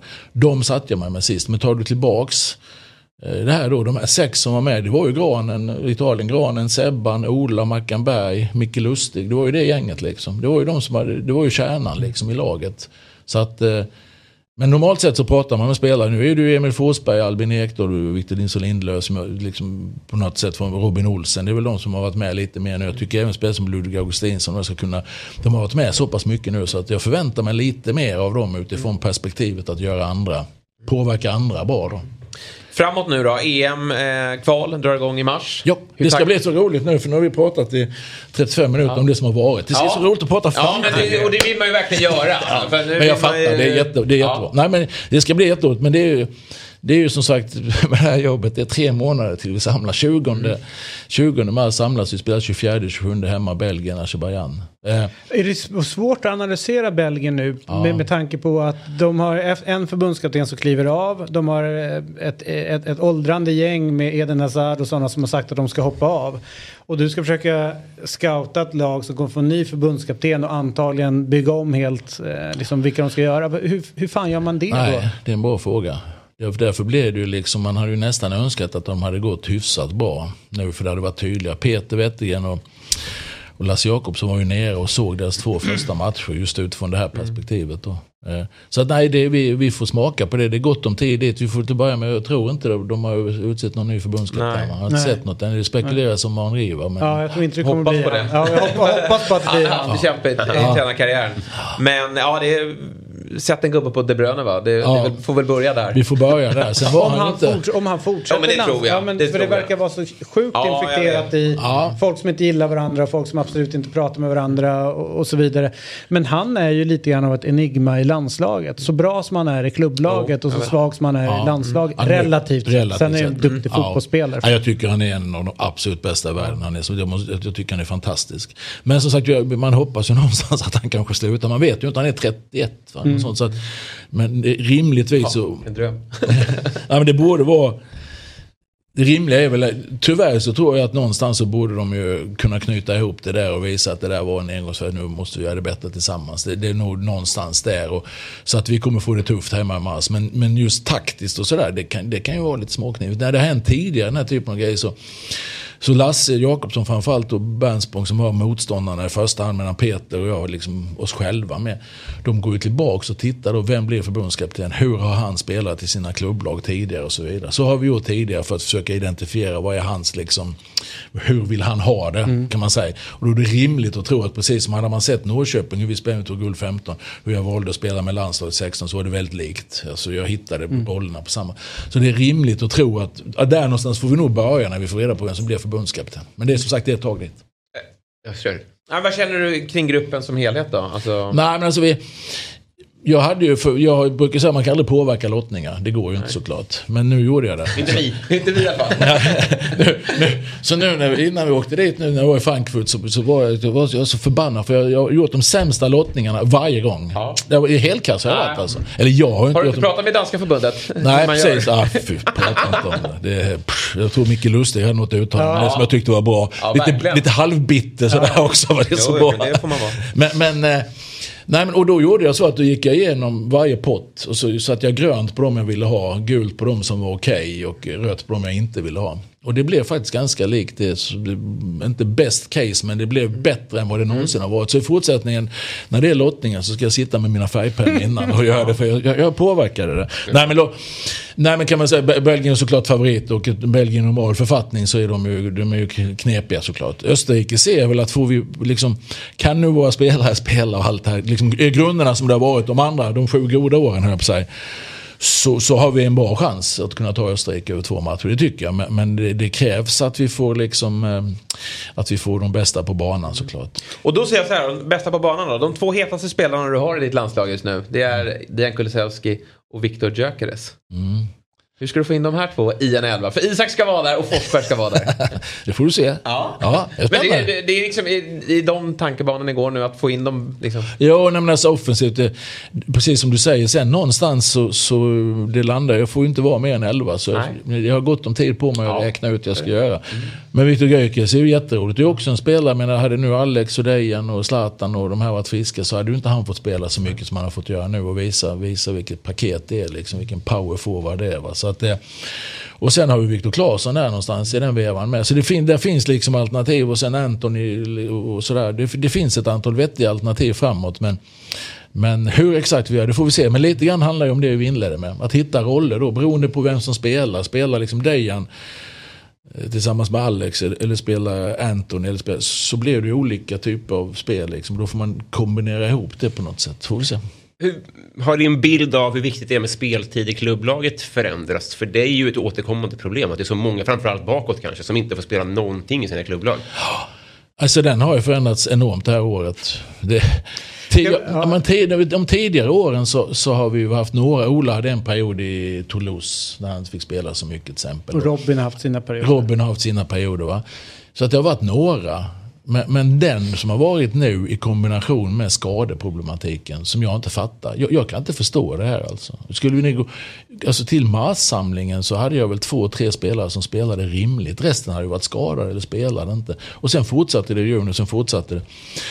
Jag har inget svar på det. Men, men det är klart att få, jag brukar säga så här, spela, spela så mycket som möjligt på så hög nivå som möjligt hela tiden. Det, det är ju det bästa. Och så när man då pratar Danmark på, på det, några som hänvisar, varför gör vi inte som Danmark? Nej, alltså titta vad deras spelare spelar någonstans. De spelar, de Så spelar jävla roligt liga. spelar inte de i VM heller. Roligt skit jag i. Nej, Roligt kan ni folk, både... nej men folk säger det. De Ja, spelar... ja. Ja, ja men det, det får man tycka. Men, men det har jag inga, men, men titta vad deras spelare spelar någonstans. De spelar ju ordinarie Ja, i stora klubbar, i stora ligor. Liksom. Det, det är klart att det är lite enklare, utan att jag beklagar, men det är klart att det är lite enklare att vara förbundskapten och få ihop dem. Du har den stommen liksom att bygga saker. Eller ta Norge idag. Mm. Alltså, titta på deras material idag. Det, det är ju bra Men- som spelare. Alltså, jag är bra spelare, jag tycker jag är jättebra spelare. Men de får ju inte spela tillräckligt. Men det är intressant att prata. Nu, nu nämner du Danmark, eh, Norge. Jag tror att de två tillsammans så är det väl lika många invånare som Sverige. Vi har Kroatien som är runt 3,9 miljoner invånare och får fram mycket, mycket spelare. Vad är det som gör att vi eh, kanske hamnar i de här perioderna när vi inte får fram. eh, för Jämför många, Kroatien, ja. jämför Ja, ja. med Ja, Uruguay, fan. jämför med Portugal. Du kan ta. Belgien. Ja, och så vidare. Ja. Men du kan gör- också ta Spanien, du kan ta Argentina, du kan ta Brasilien, Ja, du men kan där ta jag Tyskland. befolkningsmässigt Ja, men, ta, ja, men. Tyskland och alltså Frankrike och de här, det är ju stora nationer. Vi är ju någonstans mitt emellan i det här med om man räknar antal. Men det är för många i Sverige som spelar hockey. Det är grundproblemet. Fast där, den, ja, Det är problem. Nej, men det är jag som skojar med det. Jag vet, men den, Ja. den, för den höll, för ändrats då? Ja, men den höll ju tidigare och så Ja. var det ju. Men jag tänker i Kroatien till exempel har man handboll, Ja, jag fast, basket. nej men de är jättebra ja. Alltså de är jättebra. Men jag, jag, alltså, jag, nu, den analysen kan man ju... Jag kan ju bara konstatera att det som ligger till grund för ett landslag det är ju de spelarna som spelar. Mm. Så är det. Och nu i år har vi haft en situation där väldigt många inte har spelat. Så är det. Och jag hoppas ju inte det sen. Tidigare år när vi har spelat som har spelat, då har vi ju presterat ganska bra. Så att, jag, jag, jag, jag vet, jag, den är ju identifierad. Och det är som någon sa, hur ska du skylla på det? Nej, jag, det är ju fakta. Ja. Det, är ju, det är ju fakta att det är så. Jag, jag kan inte Kroatien nu till exempel, hur många skador de har haft i sin trupp i år. Men jag, jag tror inte det kan vara så mycket. Utan det, grunden är ju där att du får chansen med det spelarmaterial som finns. Sen gör ju Kroatien fantastiskt bra. Portugal gör det fantastiskt bra. Jag skyller ju på hockeyn bara för att jag inte Ja, gillar nej, hockey. Det är bättre att man nej. spelar handboll. Ja, men, handboll bra. handboll okej. Ja. Alltså det, det, är mer, det är mer skämt. Men Eh, och det här är ju liksom en fråga också om man tittar på våra klubblag och sådär. De pratar många om hur lyckas våra klubblag ute i Europa. Nu gick eh, Djurgården vidare. Jätteroligt att de kunde klara det. Malmö blev tyvärr sist i sin grupp. Och, men tog sig ändå till gruppen. Vilket så här. Men, men tittar vi generellt så klart allsvenskan är ju en liga som, som eh, har svårt att slå sig fram hela vägen i Europa också. Och det, jag kan inte liksom säga att vi är dåliga svensk fotboll för det är jättemycket som är bra. Men jämför vi nu till exempel med Norge. Norge och Danmark är ju lite irriterande. Alltså, Ja, det, är ju- det, ju- det är ju faktiskt lite, som förbundskapten är ju jäkligt irriterande. I synnerhet Norge. Ja, ja, i synnerhet Norge, men även Danmark. Ja, Som- också, alltså, ja. Micke Lustigs bittra uttalande, jag gillade det när, när jag hörde det. För att, och, och sen så, eh, ja, jag, vet, jag kan inte svara på det. Jag kan inte svara mer än så. Mer, mer än att jag, eh, jag är trygg i att har vi spelare som är hela och friska så får vi ut väldigt mycket av de som finns. Det, det, det är jag trygg i, för det tycker jag trots allt att vi har visat va, de här åren. Men, men jag, jag, jag har inget bra svar. Du, eh, en, en grej jag funderar på, vi ser ju i Holland nu att Jos, eh, eller, eh, Van Gaal har ju kommit tillbaka och går, Hidding har varit fram och tillbaka och sen går de in i klubblagsverksamheten. I Sverige när man kollar på de som har varit förbundskaptener så känns det som att du har gjort din klubblagskarriär och sen blir man förbundskapten och sen blir det inte så mycket efter det. Man kanske tar något annat landslag eller liknande. Varför blir det en sån, eh, om man säger en slutpost om man säger så? Nej, jag Sverige? hoppas ju inte. Alltså jag, Ja, men när man har hört dig prata så har det inte varit så här att den dagen jag slutar då ska jag ta ett, eh, ett, ett lag igen. Alltså att Nej, den så- driven så. Nej, alltså, det är svårt att beskriva, men, men för, för mig personligen, hur de andra, det, det, det ligger ju en del i det du säger, men för mig personligen är det väl så lite grann att jag har liksom 19 allsvenska säsonger, som jag sa, 496 allsvenska matcher. Så var det någon som frågade mig faktiskt, ska du inte träna AIK någon gång? Då sa jag, det kanske jag skulle ta för att nå 500 matcher, men det är inte säkert jag gör det om jag tar AIK. Men du kan få sparken innan. För fan, det blir bara 499. Exakt, ja. Torska för stort i derbyt. Damn it. Ja. Nej, men, men det var faktiskt ett skämt. Men, men såklart, man får, lägga, man får tillägga det för annars. Nej, men, men eh, för mig har det varit så då att det är klart att Ska jag ta ett, och så är jag som sagt 60 nu och, och så här. Så det är klart att med all respekt, allsvenskan med allt det och, och efter att ha haft det här jobbet så känns ju inte allsvenskan lika intressant för mig nu. Jag säger osvuret är bäst för jag vet inte vad som händer här om några år och framtiden sådär. Men, men då skulle man kanske vilja göra någonting annat utomlands, att prova någonting annat, något helt annat. Och får man chansen till det någon gång i framtiden så, så tycker jag det skulle vara kul att åka iväg med Wettergren och, och några stycken till som man har jobbat med. Att vi tillsammans skulle kunna ta ett lag, till och med ett landslag någonstans kanske, eller, eller klubblag. Det hade jag tyckt varit det jätteroligt. Och det har jag ju sagt flera gånger, så för mig är det inte en slutstation på det sättet. Men just steget tillbaks till allsvenskan, det känns eh, inte självklart att, att, det- att det är ett Inte alternativ. som tränare, men man känner ju också så kompetensen som man samlar på sig. Alltså någon som har jobbat på liksom förbundskaptenspositionen. Den skulle man vilja liksom få mer utav sen i svensk fotboll. Jag tänkte sportcheferi eller teknisk direktör i klubb eller lägga upp, alltså någonting så att man inte bara försvinner bort. Det är, Ja, men jag, det är något och det är som stör mig i det hela. Ja, och det, jag tycker det är roligt att du säger så för då eh, insinuerar du att jag kanske har någonting att tillföra Mm. trots allt. Va?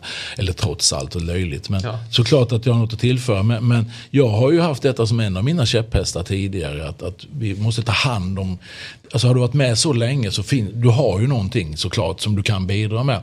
Och i mitt fall har det blivit sådär att jag, tankar jag har lite längre fram i framtiden, längre fram, det är ju att kanske jobba med mentorskap och så vidare. Att kunna hjälpa andra som är på väg. Jag jobbar faktiskt med en VD hemma i Halmstad, lite, väldigt försiktigt nu för jag hinner egentligen inte. Men vi har lite kontakt som, som har drivit ett stort företag som jag känner sedan tidigare. Som vill liksom bolla idéer och sånt. Va? Och det är jätteintressant att kunna dela med sig av de erfarenheter man har skaffat. Det är väldigt svårt att säga att det är exakt det här eller det här. Men någonstans en kompetens som svensk fotboll borde ta del av. Då pratar jag inte med mig personligen utan generellt. Mm. generellt jag, menar, jag tog ju själv in Tom Paul till exempel. Eh, och är med också på ett hörn fortfarande med oss. Va?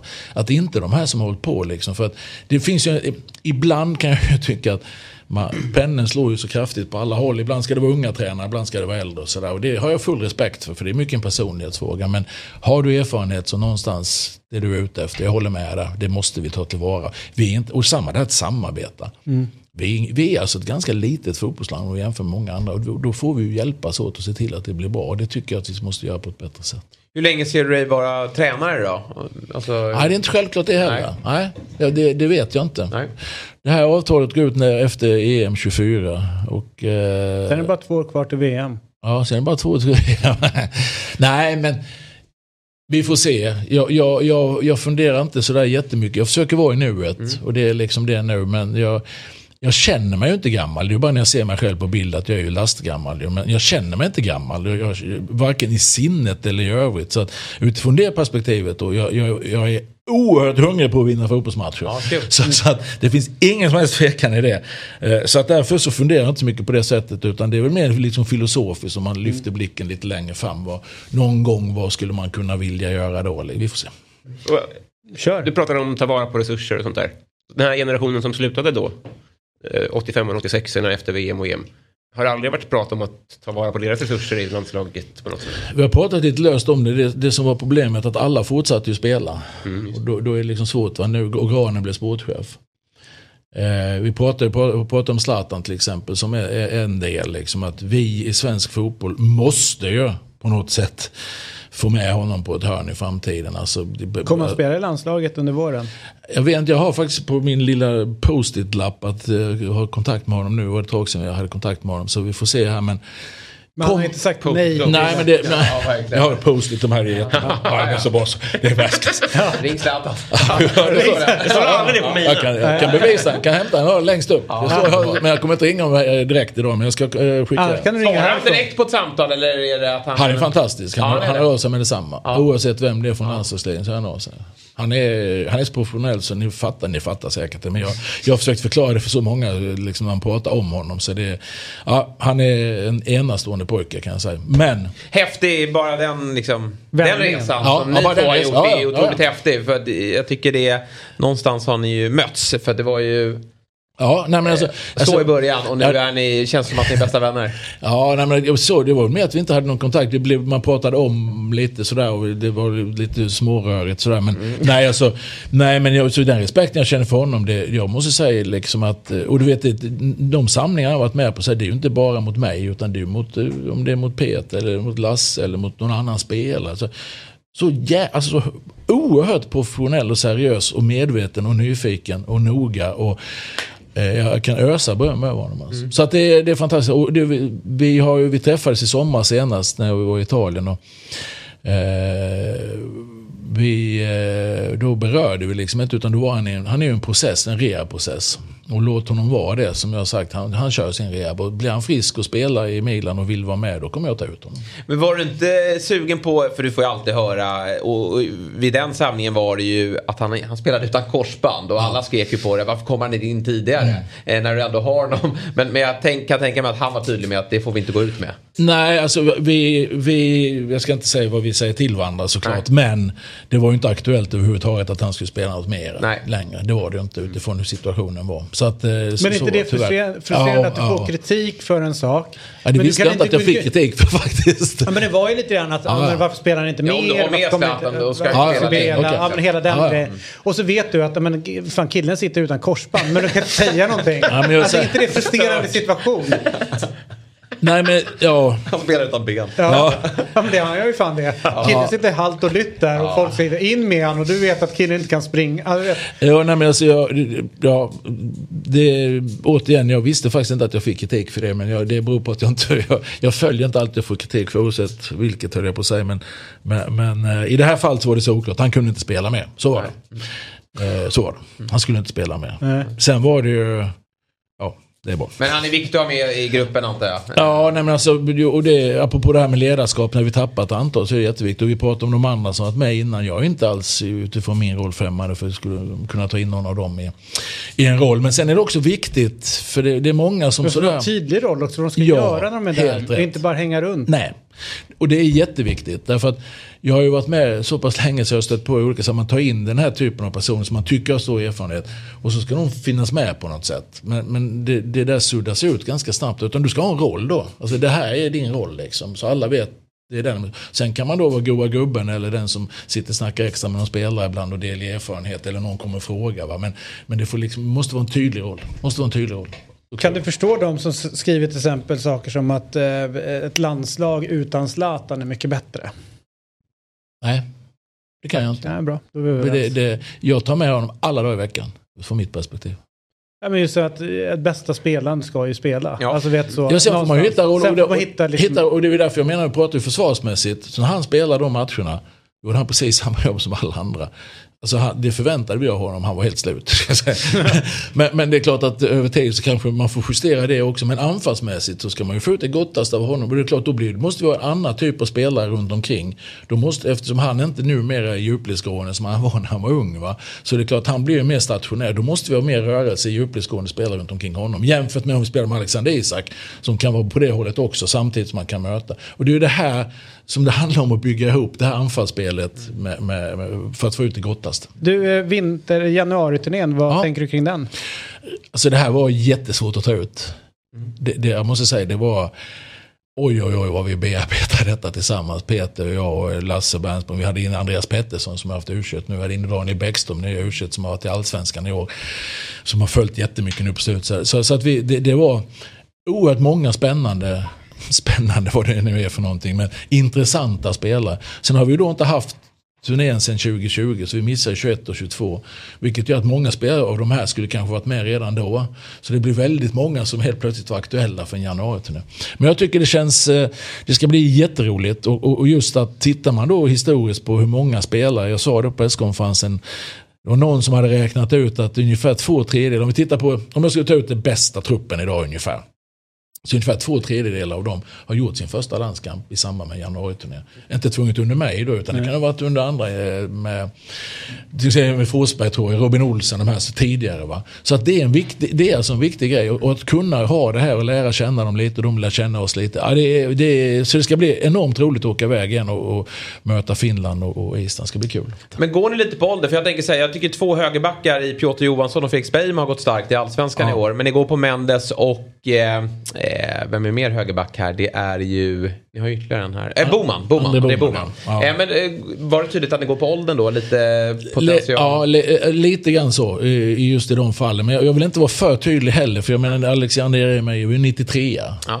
Piotr är 95 Beijmo 98. Men åldersfaktorn, men egentligen vem av dem har, tror vi har högst potential? Kanske inte nu, kanske inte tvunget om ett år, men kanske om två år. Så det här är, det är jättesvårt alltså. Det är oerhört. Men jag, tar, jag är väldigt noga med att säga att jag, de här är ju inte de bästa spelarna. Om jag skulle tagit ut den bästa truppen och vi skulle spela en tävlingsmatch. Så är det inte självklart att det är alla de här. En del hade varit med, men då hade jag kanske tagit ut några andra. Men som kanske då inte är kommande A-landslagsmän i det riktiga landslaget. De kan inte ha den potentialen. Men just nu så kanske de är före. Och där nämner du några som kanske nu är lite före de vi har tagit ut. Men som vi kanske tror att de andra har en större potential. Så att det, det Normalt sett kriterier, man tar ut de bästa normalt. Men, men den här januariturnén är ju inte det. Så det blir skillnaden. Så kan det vara. Vilka vinner VM? Nej du. Eh, Är det Danmark eller? Ja, jag, jag, tror, jag, jag hade ju sagt Spanien innan därför jag tyckte det var roligt att om man tittar då inför VM 2018 så hade vi ju Frankrike i vår grupp och, och de, började, de förlorade ju bara en match och nu spelade till på två och ett halvt år, det var ju mot oss. Sen slog vi ju Spanien i år upp den här gången. Så jag tyckte jag Spanien skulle vinna. För då kan man ändå säga att vi, vi spöade världsmästarna i kvalet. Ja, exakt. Så jag hoppades ju på Spanien. egentligen är vi de Ja, moraliska så är vi Ja. men, men nej, jag, jag har inte en susning faktiskt vem som vinner det här. Jag tror det kan bli hur som helst. Men håller du en liten tumme för något lag då? Ja, jag tycker det är roligt med Marocko. Jag tycker det är roligt liksom ett lag som jag fick ju till och med när de slår Spanien. Liksom. Spanien har ju alltid mellan 70-75% bollinnehav, vilka de än möter. Men de skapar ju inte alltid mycket. Och då, då fick jag från kompisar, och fick faktiskt från en journalistkollega till er som, som skickade till mig att de har ju tittat på er. De, de har ju kopierat er. Ska de skämmas, eller? och då, ja, precis. Och- Men nu tyckte alla det var bra, tror jag. Jag vet inte alla, men jag tror många tyckte det var bra gjort av Marocko. Liksom. Men vi, vi skulle ju skämmas. Men hur fan var det när ni fick den rubriken efter... Ja, jag måste säga att det är den största besvikelsen tror jag. Jag fick, för jag fick det liksom i ansiktet efter matchen. Vi, vi möter alltså Spanien borta i en EM-premiär, 35 grader i Sevilla. Får inte till vårt anfallsspel, men kämpar som djur gör spelarna. Och, och vi skapar ändå några vettiga chanser. Jaha, det var helt brutala chanser Ja, ja, visst, ja, ja, visst så är det. Och kämpa och springa och slita och tacklas och, och inse att det, och 0-0 och vi jublar ja. Vi, vi var ju överlyckliga efter. ja. Det- Ja, vi jag insåg säga, jag stod och jublade hemma. Ja, Ja, men vad bra första match. Sen, sen får vi liksom vårt anfallsspel byggas vidare från det här som det gör i en turnering. Det här var första matchen. Men, och sen får vi höra att vi, det inte var bra. Nej.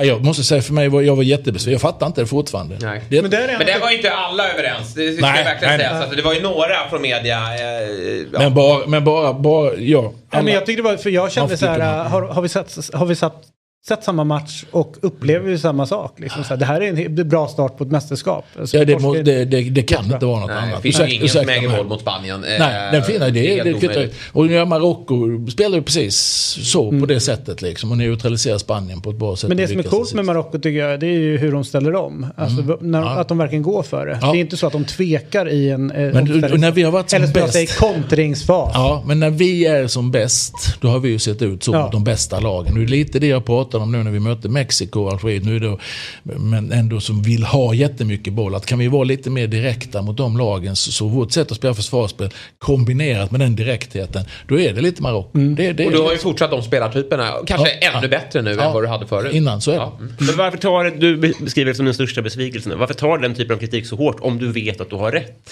Nej men att bara behöva svara på... Alltså om du går in i ett om... Vet du vad, några av våra spelare var, var vansinniga alltså. Komma in i omklädningsrummet och jubla och så gå ut och så få direkt i ansiktet att det inte var bra. Ja. Det är klart jag blir besviken. Jag blir jättebesviken för då, då har vi ju inte samma... In, alltså, då, alla får tycka vad man vill. Och vi lever i ett fritt land och allting sånt. Så, men där, där blev jag besviken. Jag blev överraskad. Jätteöverraskad och det blev också en besvikelse. Så Men tär det på gruppen också? Nej, det tär inte. Men, men jag kan säga att vissa av spelarna vände ju från att stått och jubla till att bli förbannade i omklädningsrummet. Vad fan säger de? Vad, vad är det liksom, vad, hur kan man säga så här? Då tycker jag man har lagt, apropå det vi pratade om kanske lite tidigare, då är nog förväntansnivån lite för hög i förhållande till eh, realiteten faktiskt. Men det är jävligt roligt eh, tänker jag för eh, när man, om, om ni har torskat en match och så ser man att du är på väg fram och ska göra en intervju. Eh, alltså det, det är bland det roligaste som finns. Man vet att du absolut inte vill surra med och vara, du vet så här, du vet, eh, tjo och tjim. Du har förlorat. Ja, så är det. Alltså hur mycket jobbar du med dig själv i det här läget? Nej, för men jag- att inte? För man ser ju att det, det är ju, du skulle Ja, ju kunna... Jo, fast alltså är, är, är frågeställningarna liksom vettiga och man känner så, så ska jag ju, jag, mitt uppdrag är ju att Jo, skydda men gruppen, ja. men skydda gruppen, skydda laget, skydda spelarna. Om de har gjort det, de har försökt, alltså, gör de inte det så kan jag väl säga att det här var inte, det här var ka- Men har vi någonstans liksom utifrån de förutsättningarna försökt och sådär, då är det mitt uppdrag att ta det. Då, då ska jag stå där och ta det. Då, då, men när, det, när man liksom ger sig in på konstiga grejer som har hänt några gånger.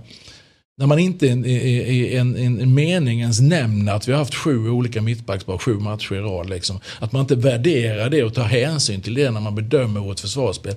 Då blir jag så här, det, det, det måste, kan vi inte bara prata om det också då? Va? Utan ska vi hålla på att hitta andra konstiga analyser, då kan jag vara, då kan jag reagera något. Men annars är det en hederssak för mig att eh, jag... Jo, men det förstår jag. Men det är en jag- intressant att eh, se dig. Låt säga att du har varit lite bitter på en domare. Mm. Och så är du ute och tackar domaren för matchen. Och man ser ju att du, har ju, du får ut en drapa till honom där. Och sen går du därifrån man ser att du är förbannad. Man är Då inte är du, avundsjuk på den? nej, men då är du på väg till en intervju. Alltså du går ju från att vara liksom så här matcharg till att direkt ska du ställa om och ändå svara på frågor. Där är det ju roligt att se Jan Andersson. Alltså Ja, där, men jag- jag- den, den promenaden Ja, bort dit. Jo. Jo, nej, men det är det. Det snurrar ju i huvudet på mig såklart. Jag, jag, sen tycker jag, jag, alltså, jag tycker inte om att förlora. Alltså, jag tycker inte om när det är liksom... Det är bara, det är bara vi tar, om vi nu är inne på mina kamrater domare, liksom, titta på de VAR-situationerna vi hade under, under det här Nations League. Ta Norge hemma där de får straff liksom. Där han inte ens tittar på VAR-domaren. Han- Emil Kraft är ju inte i närheten Nej. det. Och så har vi VAR och så kollar han. Säger han, nej det är inte straff. Nej, det är enda gången under alla mina 82 landslag jag gick in till domaren efter. Man kan säga att i Laholm händer det nästan varje match. Sen är Halmstad varannan och Norrköping var tredje. VAR? Men nu... VAR? Nej men in, nu, nu gick jag in. Och så, sa jag, men, men nej, det är inte straff. Det är straff. Ja men då, då, jag hade, de visar ju mig det i en TV. De visar det här, så här såg det ut. Och då säger vi, hur, ursäkta uttrycket, men hur, hur kan det här? Ja men det, han vidhöll det, han eh, VAR-domaren då, och Anthony Taylor som dömde, han, ja, han var hemma. Ja men varför går du inte och tittar? Och, du, alltså, och sen så har vi Emil hemma mot Slovenien, är de armarna i ryggen på Emil. Det, det är för mig solklart straff till exempel. Det får vi inte heller. Sen båtar, när vi möter eh, Norge båtar. Då är Robin ute och touchar, Sörlott är det väl i djupled va? Och, och domaren säger nej. Men då säger VAR-domaren att du ska komma och kolla. Då, han går och kollar den jäkeln alltså. Men de andra tror jag inte det. Då har du tre VAR-situationer. Vad hade de tre situationerna? Bara allt annat lika. Så skiftar de tre. Vad hade hänt då? Vad har, vi- vad har vi suttit och pratat om nu då? Eh, då hade vi varit... Eh, ja. Ja. Ett, bra, fo- Ja. ett bra fotbollsår. Hade du pratat om att ditt kontrakt går ut Nations 20, League. 2028 eller liknande? Nej, men jag menar, och det, det är ju lite det här någonstans, den balansen som jag måste ha med mig i mitt jobb. Att det är, det, det, det är så här små marginaler många gånger allra, allra högst upp. Det är så små marginaler. Från, du kan ju ta bara, bara Luka, Lukaku, hur många chanser hade han? Om han gör mål på någon av dem så går de vidare, så kanske de vinner nästa, så kanske det kan vara ett succé. Ja, eller om Harry Kane sätter sin straff Ja, och då gnäller exempel. de inte på att Gareth Men det är ju Southgate det är där- dålig Nej, matchcoach. Ja. nej, till Det är det där exempel. som är så irriterande med VAR. För att händer det där utan VAR, då får man ju acceptera att domare kan Ja. göra misstag. Men när du har ett system att använda dig utav, då, då, då förväntar du att det ska bli bättre, eh, bättre resultat av det. Men framförallt att de ska nyttja det. Såklart. Ja. Nej, och detta har jag, jag har ju vänt lite vad det gäller VAR. Jag har ju tyckt liksom att bli, hela mitt resonemang när man frågar mig VAR har varit att kan saker bli rätt? Säkerställer vi att det ska vara rätt? Ja. Då är det ju jättebra. Äntligen! Men, men om man inte ens gör det, vad fan ska vi ha det Nej, till? men- Exakt! Ja. Det var det här jag tjafsade med Erik Hamrén om 2014 när jag var dum i huvudet. Jag sa det kommer inte funka. Du vet det är, för, det är för osäkert det här systemet. Det är inte bra. Det är bättre. Jag har större förståelse för att en domare gör ett misstag. Alla gör misstag. Men nu när vi har den här backup-grejen och den inte funkar. Då är det bara att ta bort. Ja. Men han och jag är inte överens i det. Han som Det är sitter där. Ja, ni är så, era ingångsvärden är hela tiden, om allt blir rätt, då funkar VAR. Det är fortfarande människor som sitter där, det är fortfarande så att 9 av 10 VAR-situationer blir rätt. Det är klart att du kommer ihåg dem där, det förstår jag också. Jag blir också irriterad när VAR-situationerna blir fel. Jättemånga blir rätt och det är skitnice. Nej, Jo. vi tar ju bort någonting från fotbollen. Ja, Hellre lite också- fel. Och jag tror att Jag man... vill att man är lack på domaren. Ja, och jag tror Det att är man... han ju ändå! Ja, ja, ja. ja, det, det är det behöver du inte oroa dig för. Bra. Är, är man redan när man går ut på plan? Ja, ja, ja. Det, han in i ett för första gången. Ja, det måste vi göra. Storma varor. Ja, visst är det. Det är roligt. Skit i den jävla Taylor. Vad fan är VAR-snubben någonstans? Ja, Nej, men, Fan vad bra fick vi det utrett. Hur mycket påverkas utav dig när Karl-Erik slutar? Egentligen ingenting utifrån perspektivet att jag, styrelsen lever ju sitt liv och Karl-Erik. Karl-Erik har varit jättebra i alla våra relationer, varit en jättebra ordförande och så. Men, men jag har ju ingen daglig kontakt med honom på det sättet. Så att, eh, det, det, min roll kommer inte förändras. Om det inte kommer in någon ny som vill ändra allting, det vet Nej. inte jag. Men, men, men som sagt utifrån den kontakten jag har haft med, med Karl-Erik så, så eh, kommer jag sakna honom för jag tycker det är en bra person. Men, men eh, inte mycket mer än så faktiskt utifrån det perspektivet. Jens T öppnade ju för att bli ordförande och förbundskapten. Ja, förbundskapten också. Ja, ja, men det är bra. Ja, han tar helhetsgrepp på svensk fotboll. Ja, då påverkar det mig i så fall. Då, då är det bättre att jag tar för ordförandejobbet också. Ja, exakt, I så fall. exakt. Ja, och fortsätt som Ja, förbundskapten. exakt. det tror jag blir bra på två håll som Stig Nilsson sa en gång i Halmstad. Ja, det är Bra på två håll. Härligt, vad härligt att ha det här. Eh, Ja, välkommen tillbaka såklart eh, framöver och lycka Mm. till eh, i, på januariturnén. Imorgon är vi tillbaka. Yes. Eh, och den här podden kommer ut om några timmar. Eh, och Mona Salin kommer hit imorgon. Ja, Eh, kommer hit klockan åtta och Jonathan Levi kommer hit eh, också. Inte med i eh, januariturnén. Nej. Just det. Hälsa honom från mig så gott. Ja, det ska jag göra. Han var- han har varit med en gång och gjorde Ja. ett bra intryck då. Ja, hade bra snack. Men tyvärr blir det inget mer. Nej, men vi, vi, vi är ju precis det vi pratade om innan. Ja, Det är, precis. det är ungefär samma med honom. Ja. Han platsar inte. Nej. Ja, det var det. Vi hälsar det. Så är Det var det. det. Ni hälsar det. Ja, det. det var det. Det är inga konstigheter. Hur som helst, eh, vi ses imorgon. Tusen tack för att ni tittade. Tusen tack för att du kom förbi. Tack God morgon. Hej. Fotbollsmorgon presenteras i samarbete med ATG. Höj mästerskapstempen. Spela på VM hos ATG. Simors sändningar från fotbolls-VM. Streama från 249 kronor i månaden. Carlsberg. Alcohol free. What's your game day ritual?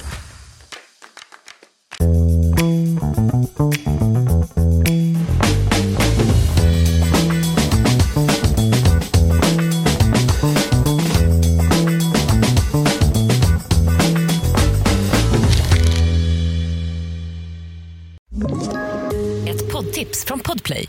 I podden Något Kaiko garanterar östgötarna Brutti och jag, Davva, dig en stor dos skratt. Där följer jag pladask för köttätandet igen. Man är lite som en jävla vampyr. Man har fått lite blodsmak och då måste man ha mer. Udda spaningar, fängslande anekdoter och en och annan arg rant. Jag måste ha mitt kaffe på morgonen för annars är jag ingen trevlig människa. Då är du ingen trevlig människa, punkt. Något Kaiko, hör du på Podplay. Därför arkadeinerna.